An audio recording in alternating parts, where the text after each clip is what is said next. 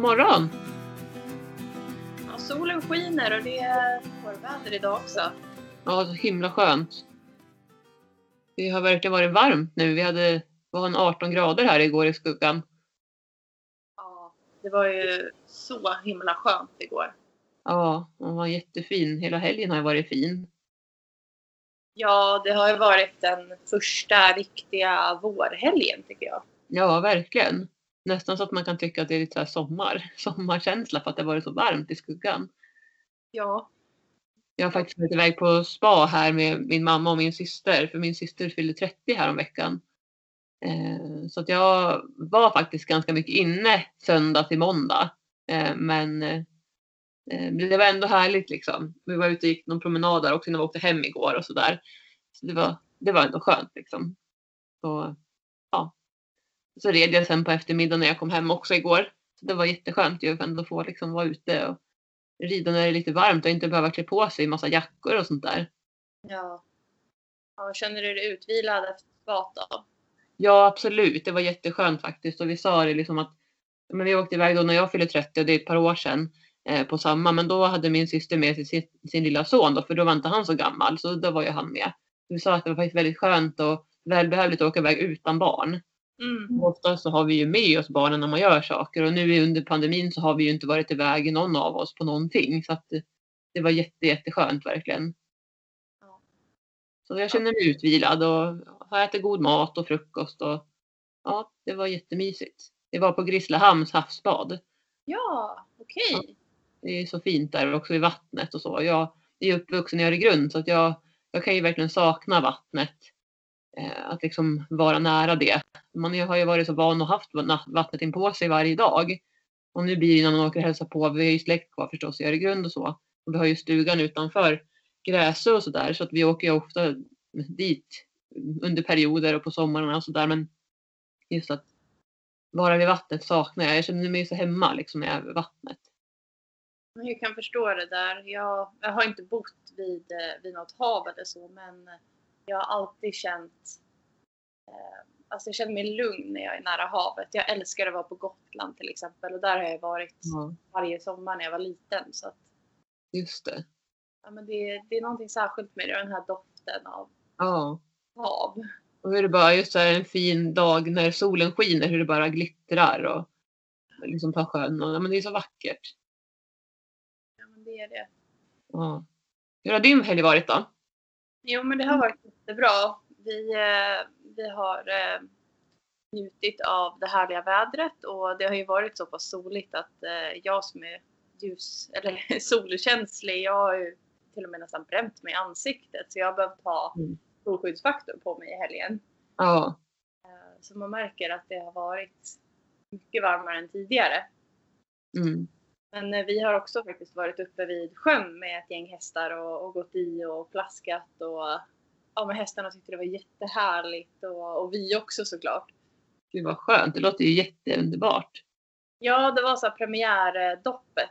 Vi simmade ju såklart inte någon av oss, men Mm. eh, min häst han gick i alla fall i till magen. Ja. Det var skönt. Vad kul att kunna liksom ha en sjö nära sådär som man kan kunna bada i. Ja, det är faktiskt riktigt lyxigt. Hur långt är det dit då? Alltså jag har faktiskt en sjö som ligger bara en kilometer ifrån gården. Jag ser den nästan Ja. hemifrån. Men dit kan vi inte rida ner för det är kostaket, eller det är stängsel för kohage runt om. Okej. Jättetråkigt verkligen för det finns en väldigt fin strand där som jag tror att den hade varit perfekt för hästar. Mm. Men i alla fall, då får vi rida lite längre och det är ungefär fem och en halv kilometer till den andra sjön och det är inte jättelångt. Nej. Det är en ganska lagom tur att rida upp dit, ner och bada lite grann och sen rida hem. Och så, det tar ungefär en och en halv timme. Mm. Ja, det låter jätte, jättemysigt. Tänk när det liksom blir ännu varmare också så man verkligen kan bada själv också med hästarna tänker jag. Ja, att bada med hästar är bland det bästa jag vet. Det är så härligt och sen är det så roligt att hästarna tycker att det är så himla kul. Mm. Har alla eller är det någon som har varit lite rädd och så? Ehm, ja, det är faktiskt ett par stycken som har varit rädda.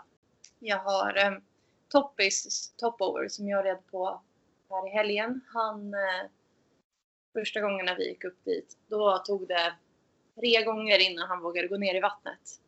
Okej. Så då stod han liksom på stranden och bara han stod bara och tittade och undrade vad de andra hästarna gjorde. Mm. Men sen tredje gången då liksom plaskade han i och då tyckte han att det var ganska härligt och han insåg att liksom, ja, men det här var ju kul. Mm. Så nu tycker han att det är jättehärligt att, att gå i och han plaskar, liksom står och krafsar i vattnet och stänker rejält. Man blir ganska blöt om man rider på honom. Jag kan tänka mig det. Ja. Ja. Sen har jag haft så här också, han var lite badkruka så han tyckte det var jätteläskigt första gången när han gick i och fick känna vattnet liksom runt benen och så och då spände han sig jättemycket. Mhm. Men nu tycker han också att det är väldigt härligt. Han vill kanske inte gå ut så att det blir blött på magen. Inte än i alla fall. Men Nej. när det blir lite varmare tror jag att han kommer tycka det är skönt. Just det. Ja. Det blir lite skillnad för hästarna också då när, när de känner att de kan svalka sig. Ja. Och Oris, han, eh, han fick komma upp förra sommaren så gick vi i med honom för att eftersom att han har haft sina alltså typ sadeltvångsliknande symptom där han har spänt ryggen väldigt mycket och, och kunnat eh, bocka om han blir väldigt spänd. Så Mm. därför har vi inte velat liksom rida i med honom bara sådär utan det är väldigt lätt för hästarna att bli spända och skjuta rygg när det blir väldigt kallt på magen. Mm. Och då förra sommaren så gick vi som sagt med honom och han fick gå runt i vattnet och han tyckte det var jättekul. Han dök ner med huvudet liksom och, och eh, plaskade och hade sig. Mm. Men sen nu i helgen så var han uppe vid sjön två gånger och eh, han var i rejält och, och plaskade med ryttare på så att eh, nu har vi gjort den premiären också och det, det gick jättebra. Vad roligt. Vad skönt.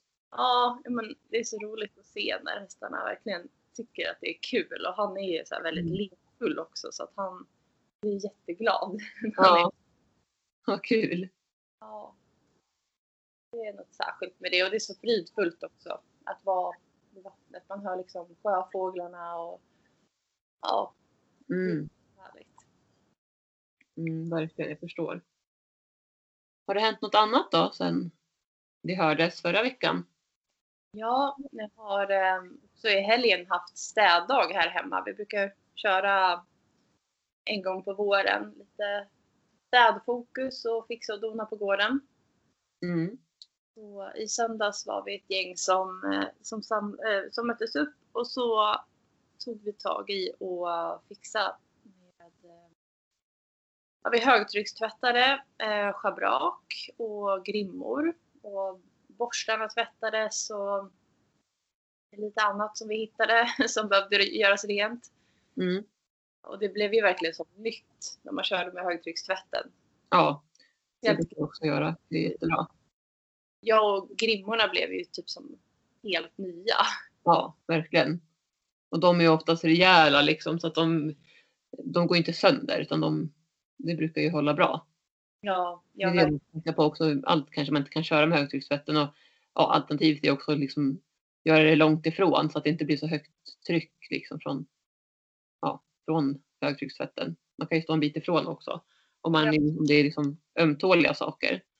Ja precis. Vi gjorde ju som med borstarna att de, så, de tvättar vi för hand för att Ja. man är rädd om taglet på de finare borstarna och sådär så att inte det går sönder. Precis. Så att man får ju tänka lite vad det är Mm. någonting man tvättar med högtryckstvätten. Med typ neopren, sadeljorder eller sånt som är i syntet går ju ofta jättebra också att att köra med högtryckstvätten. Ja. Eh, Men sen utöver det så körde vi också bort massor av bajs i hagen från, alltså så- sånt här som hamnade under snön i vintras och frös och så. Ja, du vet, det var mycket Mm. bajs och hö. Så det blir lager på lager liksom också som du säger under snön. Blir- så kommer det snö och sen så, men, så kanske det tinar upp lite eller hästarna trampar ner snön. Så kommer ny snö. Ja, jag vet precis vad du menar. ja, nej men och det, det är sånt där, det, det går inte att mocka bort utan pappa körde med traktorn och jag tror att de fick ut sju stycken lass med vår dyngkärra. Så det var Ja. mycket. Eh, Men nu är det jättefint. Eh, Och vi andra, vi, vi gick runt och plockade småhögarna liksom runt om i hagen. Så nu försöker jag att, att ta någon kärra varje dag för att hålla efter. För att nu Mm. är det så fint och då vill man gärna hålla det så. Ja, och det är ju, alltså det underlättar då om, som du säger, om man har fått bort allt liksom och så då vill man ju hålla det fint och, och det blir mycket lättare då också. Man blir mer motiverad också att göra det faktiskt. Men när vi ändå pratar om det här med mocka hagar och sånt där, det är ju eh, jag ska beställa hem kolla masken här nu. Jag hörde- att du hade gjort det igår sa du va? Ja, jag fick hem kolla masken igår för Ja. tio hästar. Ja. Och då, då kan man köpa ett eh, samlingskit för de här tio hästarna. Så jag fick hem det igår och började läsa lite hur jag ska göra. Mm. Eh, sen i det här kittet så, som kostade typ 2 7 tror jag. Det är inte billigt. Nej. Eh, men det är ändå lite rabatt om du köper för 10 hästar eller Ja, sen. Mm. Så um, då ingår det, eh, ja du får kolla ägg och sånt där, det här vanliga. Men det ingår ju inte odling av eh, äggen för att kolla om det är stora blodmasken. Och där är jag, jag ska faktiskt ringa till företaget idag och höra med dem om de verkligen rekommenderar att man ska ta odling. För att då Mm. tror jag kostar det dubbla för mig om jag uppfattar det rätt. Ja. Eh, och det är ju liksom, ja det är 5000 ungefär eller lite mer och det är väldigt mycket pengar. Men samtidigt så vill jag ju veta, är det verkligen nödvändigt? För jag vill ju inte göra lite halvdan koll bara utan Nej, ja, det, så, det har du helt rätt i. Eh, jag satt och kollade här nu också. Det finns ju lite olika leverantörer man kan köpa av och det verkar skilja sig lite grann i pris faktiskt. Jag såg något företag som jag inte hade sett för. Och då vill man ju, blir man ju alltid lite så här, ah, okej är det här bra? Men det ska det ju samtidigt vara tänker jag, annars borde de inte finnas heller. Det såg väldigt seriöst och proffsigt ut på deras si- hemsida. Och de var ändå ganska, de ändå, hade verkar ha lite rabatt just nu också. jaha, Och, jag tänkte, och där hade de så här helt kit. Man kan båda, både liksom med, med lilla blodmasken, stora blodmasken och så var det bandmask också. 399 för en, en häst. mhm, Och ja, tre hästar. Det finns ju ingen låda för, för eh, tre hästar. Till, tidigare så har jag beställt hem för två någon gång sådär. När man har tre, så det blir, blir ändå ganska mycket. Eh, Jag kan kolla här vad jag såg att det skulle bli 1197 för tre hästar. Men mm. då ingår ju liksom de tre. Ja, då, då kollar de liksom de vanligaste man ska säga. Är det odling då också? Ja, då är det odling för stora blodmasken och bandmask också. Det var bra att göra den. Ja, alltså det är ju det är ju jätteviktigt att man kollar det här och tar träckprov och Ja, Sen, alltså det, det är verkligen dyrt och sen det här in, inkluderar ju inte ens avmaskningen sen utan behöver man maska av så tillkommer ju det extra Ja. kronor. precis. Så är det ju. Men jag upplever att det dyraste det är ju kolla masken. Sen är det klart, det beror på hur många hästar man har och hur många som ska avmaskas sen. Men maskmedlet är inte lika dyrt ju som en låda kolla masken tycker jag. När man har, som jag har då, lite färre hästar. Men som du säger, det verkar vara kraftigt rabatterat när man har 10 hästar då ju. Ja, ändå. Men det är som du säger, ska man göra odling och sådär så det blir ändå mycket pengar förstås. Alltså 5000 är ju jättemycket. ja men det är Men vad ska man göra liksom? Det viktigaste är att man vet att de, att de får hålla sig friska. mm. Ja, och men som sagt jag ska, jag ska ringa till eh, företaget som jag har eh, beställt hem det här kittet ifrån och kolla vad de säger och, och sådär. Eh, jag, Ja. har inga, jag har inte direkt någon häst som uppvisar något form av symptom på att ha mask. Nej. Men de kan ju fortfarande ha det utan att ha symptom. Ja. Så det är väl bara eh, Joker, min senast inköpta häst. Han, eh, han kom ju hit i januari och jag tror inte att de har varit... Alltså, jag, alltså travhästar brukar man kanske inte vara lika noga med och ta träckprov på och typ eh, maska. Nej. Det kan vara så att han kanske har någonting. Det är Mm. just det jag fundersam på. Sen är det ju det att om det visar sig att de har så får man ju försöka att ja, vara extra noga med att mocka bort i hagen och, och man vill ju gärna få parasitfria hagar om det är möjligt. Verkligen. Och jag kände ju när Abbe kom då i somras också att då, koll, då skickade jag in odling på storblodmask på en gång och sådär för att veta att inte han hade med sig någonting från Spanien också. För utan att jag har superkoll så har de säkert kanske lite olika parasiter där också än vad vi har här kan jag tänka mig. Det kan förekomma någonting annorlunda. Eh, och sen vet man ju inte heller liksom som du säger när man köper en ny häst eller så så vet man ju inte riktigt hur det har skötts innan. De kan ju säga att de har skött det men så vet, att det behöver inte faktiskt stämma heller. Nej. Eller så, ja, eller så har de inte gjort det. Så att eh, det har man ju ett ansvar själv tycker jag att kolla upp det. Mm. Det har man ju igen sen. Ja, verkligen. Och alla hästar har ju parasiter mer eller mindre liksom. Eh, Det är ju naturligt för hästarna att ha det men det är ju det om det kommer i om det är de här farliga maskerna som stora blodmasken då som räknas till de farligaste. Eh, Och sen om de har mycket, mycket parasiter då det kan bli farligt som påverkar dem liksom. Ja, är jag- alltså den stora blodmasken kan ju faktiskt göra stora skador i hästens eh, tarmar eller liksom inuti hästen. Till och med hjärta och lungor också har jag för mig att jag har läst om att det kan verkligen göra skador på inre organ och sådär. Ja, och eh, det blir ju det kan ju bli bestående skador också. Ja, Så det är ju ingenting som man, man vill att hästen ska behöva dras med. Liksom. Utan det, Nej. Det påverkar hållbarheten på hästen också i längden. Mm. Och sen det här med, eh, jag läste det att bandmask det kan också vara en orsak till kolik många gånger om de har det. Just det. Ja, jag hade eh, faktiskt en häst förut som hade mycket problem med kolik. Och eh, den hästen var slarvigt avmaskad när den var yngre innan den kom till mig. Så Ja, jag tror, eh, veterinärerna trodde att det kunde vara så att han hade lite skador på sina tarmar faktiskt. Och att det gjorde att han fick mycket lättare problem med kolik. just det. Så eh, det har jag liksom varit med om och det man behövde verkligen tänka Mm. ha en sån häst.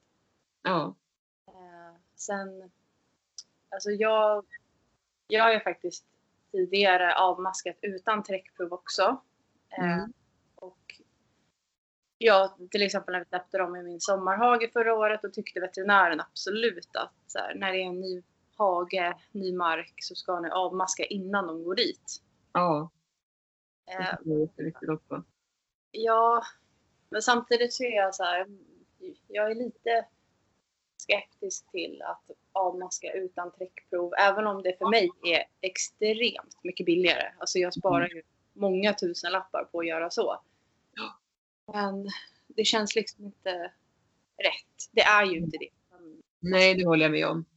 Alltså det, är, det är väldigt starka medel vi använder och det är, det är inte jättebra om man ska hästen i onödan. Liksom. Nej, det är därför man införde det här med träckprovsanalyser för att man såg en viss resistens hos hästar.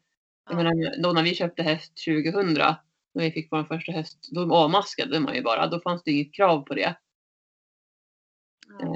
Så att eh, jag kommer inte ihåg, jag vet inte när det kom de här restriktionerna att man ska göra träckprov innan. Sen kanske det finns undantag att en del låter sig skriva ut ändå. Mm. Men som du säger, man gör det ju för sin, sin och sin häst, för hästens skull så att man har koll på.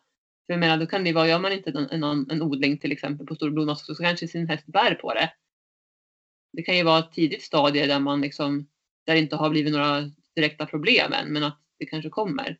Säg att den står, nu vet inte jag hur, hur snabbt, om de kan bli resistenta mot maskmedel, men säg att man då avmaskar så har man ingen aning om vad hästen har för parasiter. Nej. Då kan man ju faktiskt missa jätteviktig information som man behöver. Ja, det är väl värt att lägga de pengarna även om det kan svida lite grann. Man tycker ja hur kul är det att liksom beställa hem ett kit för att kontrollera liksom. Men det är det, vi, det som verkligen rekommenderas nu att göra. Det, har det som ett krav också förstås. ja, jag tycker det är bra. Sen, Mm. alltså det är som för mig som har så många hästar, då blir allt jättedyrt. Men samtidigt så, jag har ju valt själv att ha så många hästar och det är inte, alltså när det är sådana här situationer då blir man ju påmind om att oj, ja det är dyrt. Ja, Men eh, att man, eh, man har ju ändå ett ansvar att, att kolla de eh, basala grejerna som tänderna också är en sån sak som man behöver hålla koll på. Maskprov och de ska vaccineras och ja. Ja, det är mycket saker och försäkringar och hovslageri och allt möjligt. Det är mycket omkostnader. Det är lätt att inte se det liksom sen som du säger när, när kostnaden kommer. Bara, Oj, nu är det här också. ja Eh, så är det ju faktiskt. Om man inte är väldigt detaljerad och har en noggrann kalkyl. Men det kan jag inte säga att jag har faktiskt. nej, Jag tror att det är ganska vanligt också att vi människor som har hästar eller djur överhuvudtaget, man liksom prioriterar ju djuren oftast före så att det är bara någonting man bara tar på sig. Det liksom får kosta lite vad det kostar ungefär. Så känner jag i alla fall. Det får bara... Jag tycker alltid det är faktiskt lättare att bekosta saker när det gäller hästarna. Än om det kan vara någonting annat till mig själv. Då kan jag bli lite mer så här snål. Men ska jag verkligen köpa det här liksom? Men när det gäller hästarna då är det ingen snack. nej. Så, tycker, så känner jag i alla fall. Jag kan tro att många känner samma sak. Ja, Och det är ju bra. För vi har ett ansvar för djuren. Ja men verkligen. Jag såg faktiskt eh, när jag var hos tandläkaren med Bullen senast så bläddrade jag lite i en tidning där och då så hade de, det var ett gäng hästägare som hade fått göra, man hade fått bokföra sina kostnader för hästen under ett helt år Mm. Och sammanställt det. Eh, och alltså det var ju helt otroligt hur mycket pengar som, som de la ner och som vi lägger ner. Men Ja. eh, jag vill inte gärna bokföra och kolla på det sättet för jag tycker att det är lite ångestladdat.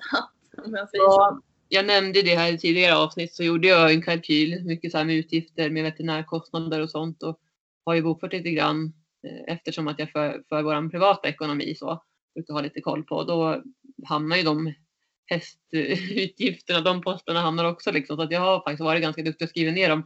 Men jag gör ju det i efterhand och det blir så oj, var det så här mycket liksom? Eh, och så är det som du säger, det är lite ångestladdat faktiskt.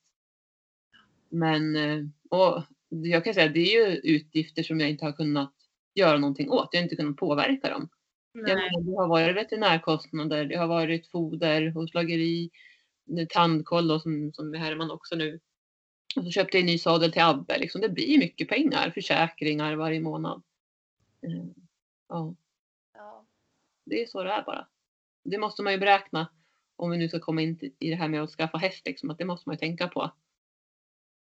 ja, det billigaste är ju att köpa hästen.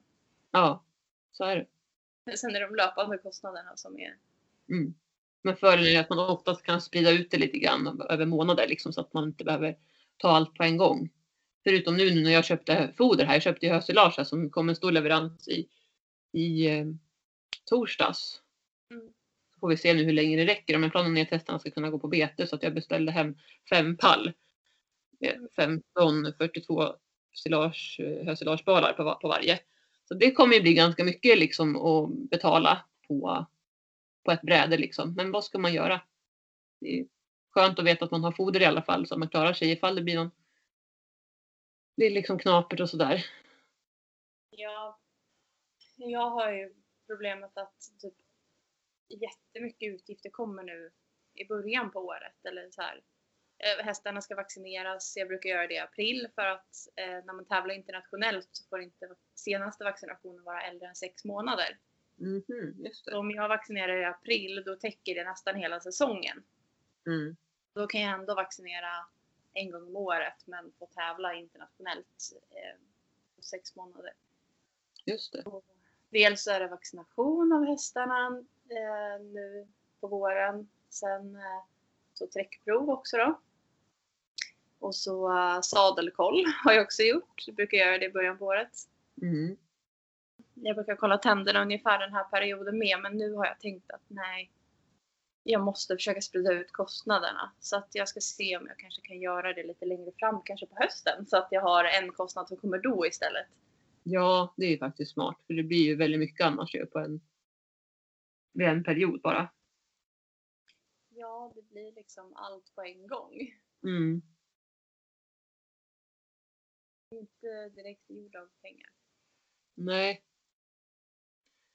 Nej, det är många som frågar mig jag bara jobbar med hästarna för att jag jobbar ju mycket med mitt företag och att jag har mycket lektioner och sånt där men det är alltid samma sak. Att nej, hästarna kostar för mycket.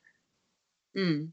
Det går liksom inte att dra runt det. Då ska man fall typ sälja hästar eller alltså köpa in eller föda upp och göra en vinst på när man säljer.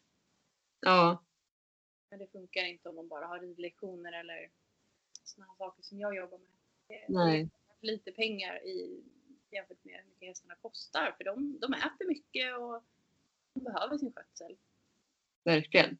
Jo men det är ju samma för mig. Visst nu har jag ju tre hästar så att jag kan väl säga att eh, det är liksom jag skulle ju inte kunna försörja mig bara på det liksom om man säger så.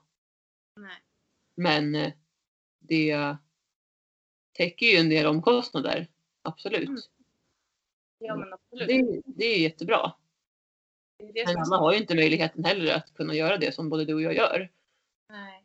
Eh, Då ska man vara med, med, medveten om att det kostar väldigt mycket. Ja, jag är jättetacksam för att hästarna kan hjälpa mig att, att betala sig själva lite grann. Ja, verkligen.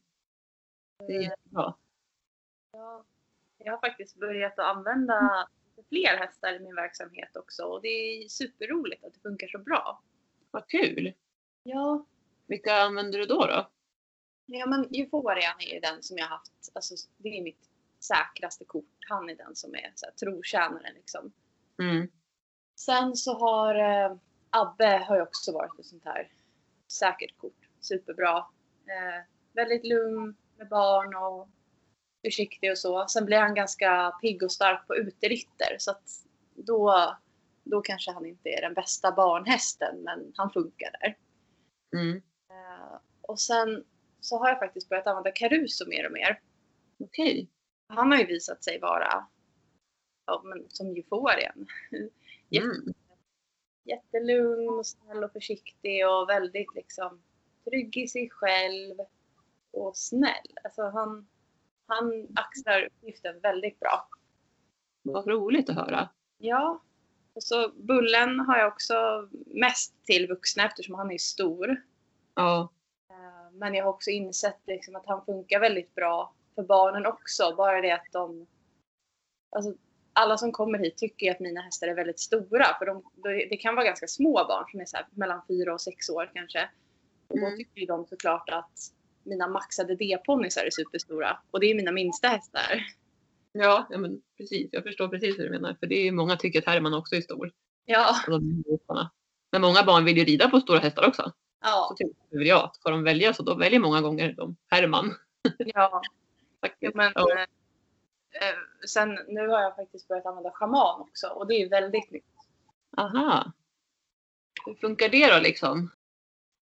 Ja, schaman är ju eh, Eh, som, ni, som ni vet, ni som har lyssnat ett tag. Det är ju den hästen som jag har tävlat mest med av mina hästar. Han är väldigt, eh, ja, men väldigt välutbildad i, i eh, dressyr också. Och man kan hoppa lite och, och gå distans. Och han är väldigt lyhörd och känslig för ryttarens hjälper.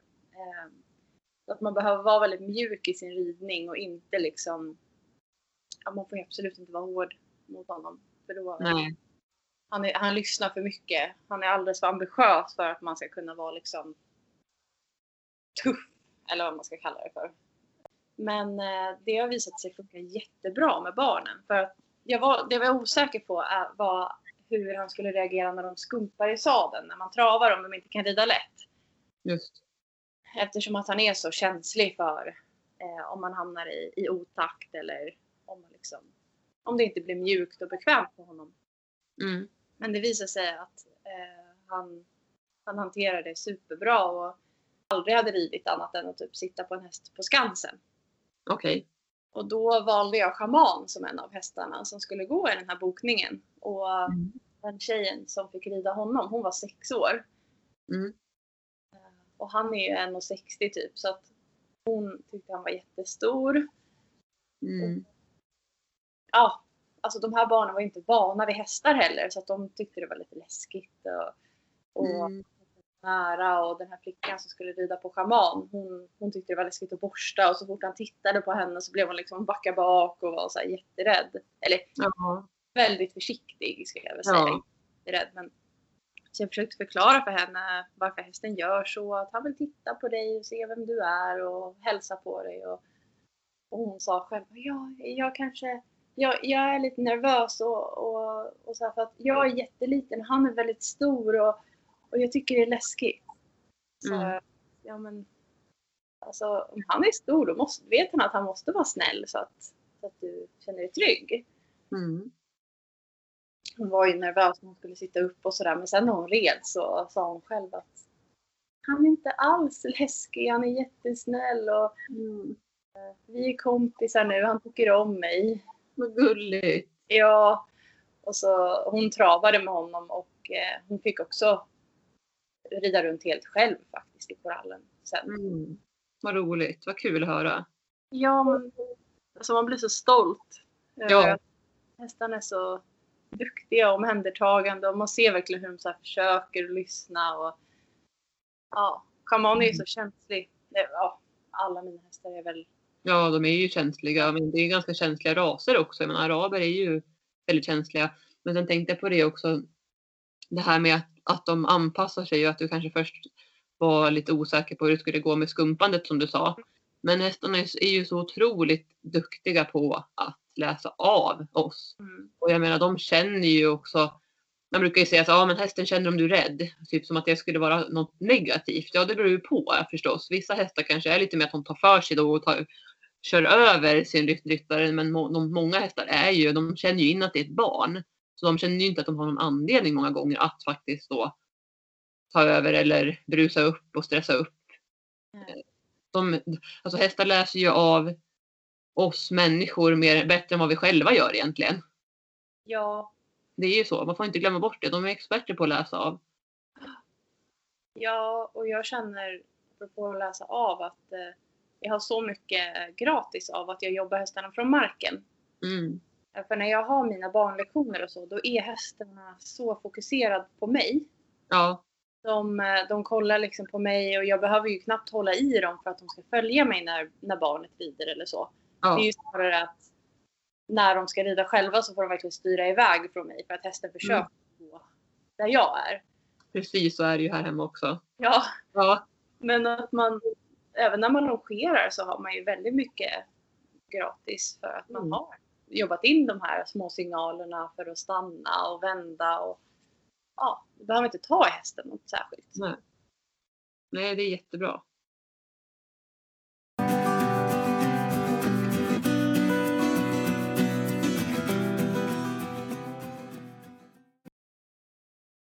Jag hörde att du skulle tävla här också framöver. Ja, nu blir det snart premiär. Gud vad spännande, vad kul! Ja, det ska bli roligt faktiskt. Eller ja, ja, jag vet inte. Det känns konstigt också. Det är konstigt ja. Känner du liksom taggad? Känner du dig, ehm, vad ska man säga? Kän- Känns det som att det liksom ska, ska det bli kul eller känns det pirrigt? Eller hur, hur skulle du beskriva känslan nu så här? Ja, men det känns lite nervöst nästan. Att Ja. Alltså jag åker ju dit för att kvala min häst på den här nivån då. Så att jag har ju inte som mål att jag ska åka dit och vinna någon tävling. Utan jag vill verkligen ta det säkra för det osäkra. Mm. Så det är mer att jag är så här nervös typ att ja, men allt måste klaffa och hästen känns jättefin. Eh, Mm. väldigt bra. Vi ska göra vårt sista tuffa pass imorgon tänkte jag. Mm. Så eh, det känns som att vi har bra förutsättningar så här långt. Men eh, det blir ändå lite konstigt att åka iväg. Ja. Men jag kan förstå. Var är det ni ska någonstans? Vi ska till eh, Öved i Skåne så det är en ganska lång resa också vi ska göra. Ja, det är det ju. Men är det en häst sa du du ska ha med dig eller? Ja, det är en häst tyvärr för att eh, det här är en internationell. Och just nu så är det bara folk som är yrkesverksamma som får tävla. Just Och då, alltså för att räknas som yrkesverksam så behöver du ha genomfört ett kval för internationella ritter i distansritt. Mm. Det är tyvärr bara jag i mitt stall som har gjort det än så länge. Mm. Så eh, jag hade verkligen önskat att jag skulle haft åtminstone en till person som hade kunnat avlasta mig och, och rida en till häst.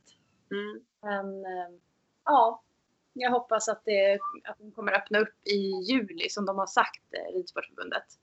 Just det.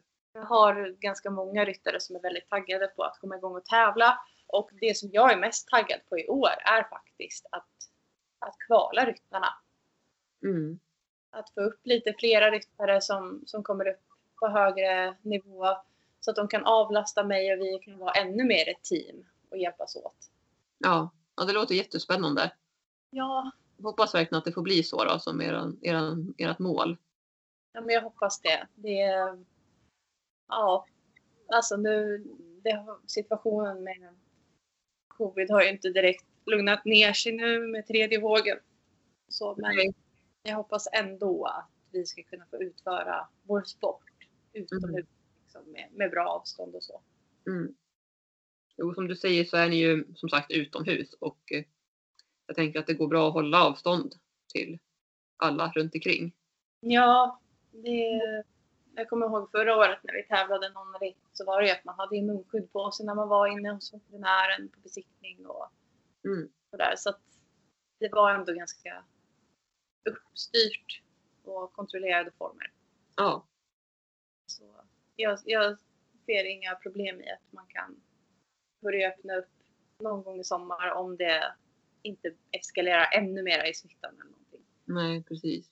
Sen, sen får ju alla ta sitt ansvar och man tänker på och allt eh, ja, men där med hy- handhygien och, och att man inte åker någonstans om man är sjuk och sådär. Så utan Mm. det drabbar ju bara oss själva i slutändan. Ja, då kommer vi aldrig få göra någonting igen. Om det bara fortsätter gå runt och runt liksom. Eller hur?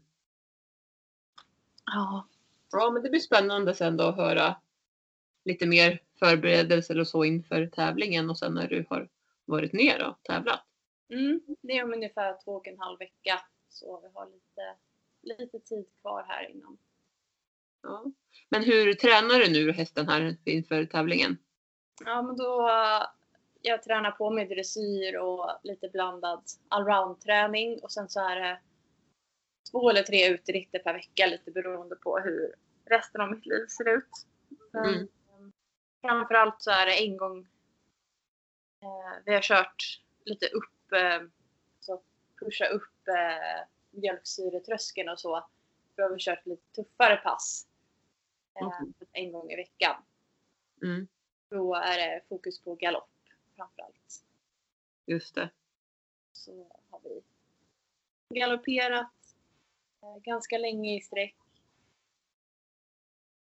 Nu den här veckan så kör jag mitt sista pass. Då tänkte jag åka iväg och, och rida på preparerade vägar där det är lite mer backigt och mycket svängar och sådär så att jag får in lite teknikträning också. Mm. Och sen kommer inte han, alltså det är två och en halv vecka kvar till tävlingen så nu ska han bara återhämta sig efter det. Mm. Så att man inte tränar för hårt för nära inpå. För då kanske hästen har lite kvar i kroppen som den behöver bli av med. Mm. Nej, men det låter som någonting som är viktigt att tänka på. Att inte träna för hårt inför tävling. Ja, Mm. för några inpå rättare sagt. ja precis. Det, Ja. det är verkligen viktigt. Och, och sen ju längre man rider, eh, eller ju längre man ska rida på tävlingen, ju längre kanske man eh, gör de här galopppassen. Mm. Så till exempel med schaman när vi förberedde oss för 16 mil, då kunde jag galoppera två timmar i sträck på ett pass. Och Mm. då, då måste man ha minst 10 dagar emellan varje sånt pass. 10 till 14 dagar så att hästen liksom får återhämta sig. Man kan inte köra ett sånt pass varje vecka för då blir det alldeles för tufft för hästen. Ja. Så att man, alltså det är så viktigt med vilan emellan. Ja. Och där tycker jag verkligen att Ridley appen som jag använder är superbra för att jag får en så bra överblick. Alltså jag ser Mm. vad den har gjort för någonting och jag kan få statistiken också. Eh, man kan ju göra, lägga till egna pass där. Så jag har ju lagt till bland annat då galoppträning. Precis. När jag kollar då på månadsvy eller så, så ser jag ju hur många sådana pass hästen har gjort och med vilken Mm. tid emellan och så. Så att det alltså, är så himla bra att få den översikten. Jag håller med. Jag tycker också, jag använder också den appen och den är jättebra. Och jag eh, eh, brukar oftast planera liksom i min kalender så här, vad jag vill göra på ett ungefär. För där tycker jag, eftersom att där har jag ju liksom alla andra grejer jag ska göra med möten och med aktiviteter och sådana saker. Ja. Då tycker jag det är lättare. Och då, men jag brukar lägga in allting i efterhand. När jag har ridit eller när jag har tränat hästarna så lägger jag in i efterhand så att jag får en översikt då.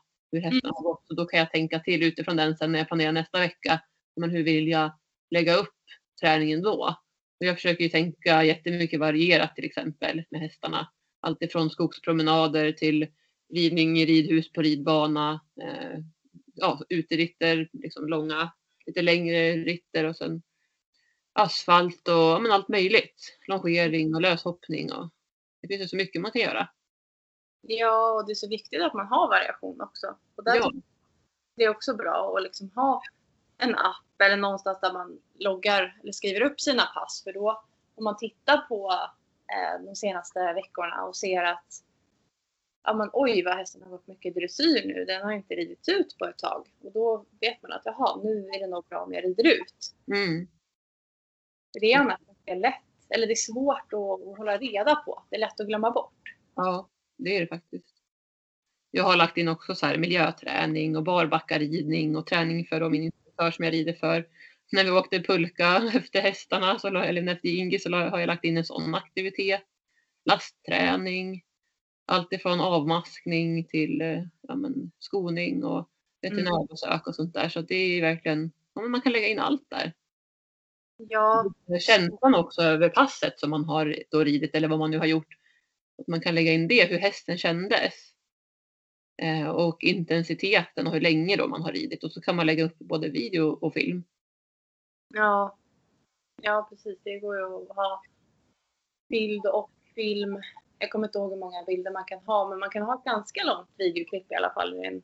Eh, en minut har jag för mig här. Att det, är. Ja. det beror på om man betalar eller inte, liksom om man har gratisvarianten eller inte. Då. Eh, jag har gratisvarianten som det är nu faktiskt. mm. Ja, den funkar ju bra. Ja. Sen får man ju se sen. Jag tänker med så här, träningsövningar och sånt så har de ju vissa där betalvarianter om man vill titta, titta på vissa sådana. Och då kanske man när man kommer dit sen så kanske jag känner att jag vill betala för att få tillgång till dem. Det får vi se då. Jag har faktiskt premium på Ridley. Ja, det har det.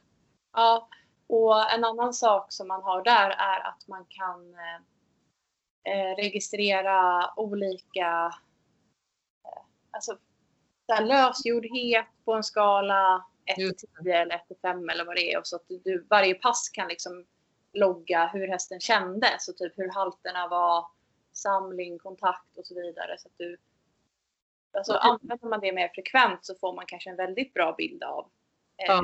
hur utbildningen av hästen också. Ja. ja, men det är ju bra att man kan skala det blir på ett enkelt sätt. Jag Mm. skriver oftast väldigt långa kommentarer under mina pass vad jag har gjort och Mm. hästen kändes. Och till exempel om Abba har varit spänd och hoppat till för saker eller ja, vad det nu kan vara. Liksom. Så, och sen som jag har haft problem med Gingis med magsår och sådana här saker. Direkt då när han började svara på behandlingen så blev han ju så pigg. Och då har jag varit noga med att skriva ner de sakerna liksom, och så hur han har känt sig efter varje pass. Bara för att få en statistik. Och jag kan ju se verkligen tydlig, tidigt att han har mått så mycket bättre än vad han har gjort tidigare. Så att, eh, Ja. ja. det är hur bra som helst tycker jag. Att kunna, om man gillar att liksom ha koll på läget och mm, ja, men, kunna följa upp saker och ting. Så då är ja, verkligen en rekommendation med den här appen. Ja, jag tycker det är jättebra som du säger också, skriva om passet. Och det, det har jag till alla mina medryttare också som är med i appen. Att eh, vi, eh, vi skriver alltid en liten kommentar åtminstone. Eh, Ja. och om allt kändes bra så kan man skriva bara, ja, men inget att klaga på liksom. Men, Precis. men eh, känner man att den var lite stel i höger sida eller vad det nu kan vara så, så tar man upp det. Eller om hästen har fått något skav så någonstans och så. För då ser ju också, eftersom jag har så många olika som rider, då, då får ju de upp en notis i appen att någon har loggat ett pass och så får de gå in och läsa. Och då kan det ju stå till exempel, åh han börjar på mugg på höger fram. Och då Mm. vet alla det. Ja. Att det, är sånt, alltså det är sånt bra verktyg istället för att liksom skicka ett meddelande till alla. Eller, alltså det blir så omständigt när man har många i sitt team. Mm. Så äh, ja, Nej, jag är verkligen glad att jag har äh, det här verktyget som verkligen underlättar. Och det finns Mm. ju så bra teknik idag som man kan använda sig av. Det gör det verkligen. Ja. Ja, så Ja. är du ute och rida idag? Ja, idag ska jag ut och rida klockan tre. Kommer min medryttare. Vi ska väl ta oss en tur ut någonstans. Jag vet inte exakt vad det blir idag, men det blir nog kanske någon lite längre ritt jag, skulle jag tro. Dels för det ska det vara fint väder idag också här. Sen ska det ju som de säger nu tyvärr att det ska bli lite dåligare väder i veckan. Så då tänker jag att det är bra att passa på att rida någon lite längre sväng idag. Så blir det nog mer träning hemma sen på banan i veckan då. Ja. Jag tror. Lite varierat. Eh, Så det ska vi göra. Ska du rida någonting idag? Jag kommer tyvärr inte hinna det. Eller jag ska försöka att um, hinna ta en liten skrittur faktiskt med Mm. eh, en kompis. Eh, Men eh, jag ska faktiskt sitta i möte om en dryg timme idag. Men jag tänkte att jag kanske kan ha headset på mig och muta min mick och så kan jag skritta lite under tiden som mötet är och så kan jag bara prata om någon frågar mig någonting. Smart. Det är, det är fördelen med att jobba på distans. Ja. Så våra möten brukar inte vara så här att man sitter och pratar hela tiden utan det kanske är mer så informativt och då går det ju faktiskt att göra något annat. Speciellt Mm. då med jag som inte tycker om att vara... Jag vill gärna vara effektiv om man säger så. Ja. ja men verkligen. Ska vi säga så för den här veckan då? Ja, vi gör det. Då får vi hoppas att ni andra också får eh, mycket sol i alla fall ett par dagar den här veckan. Ja, verkligen. Vi eh, hörs om en vecka igen då. Ja, ha det så bra allihopa. Ha det så bra. Kram, kram. Kram, kram.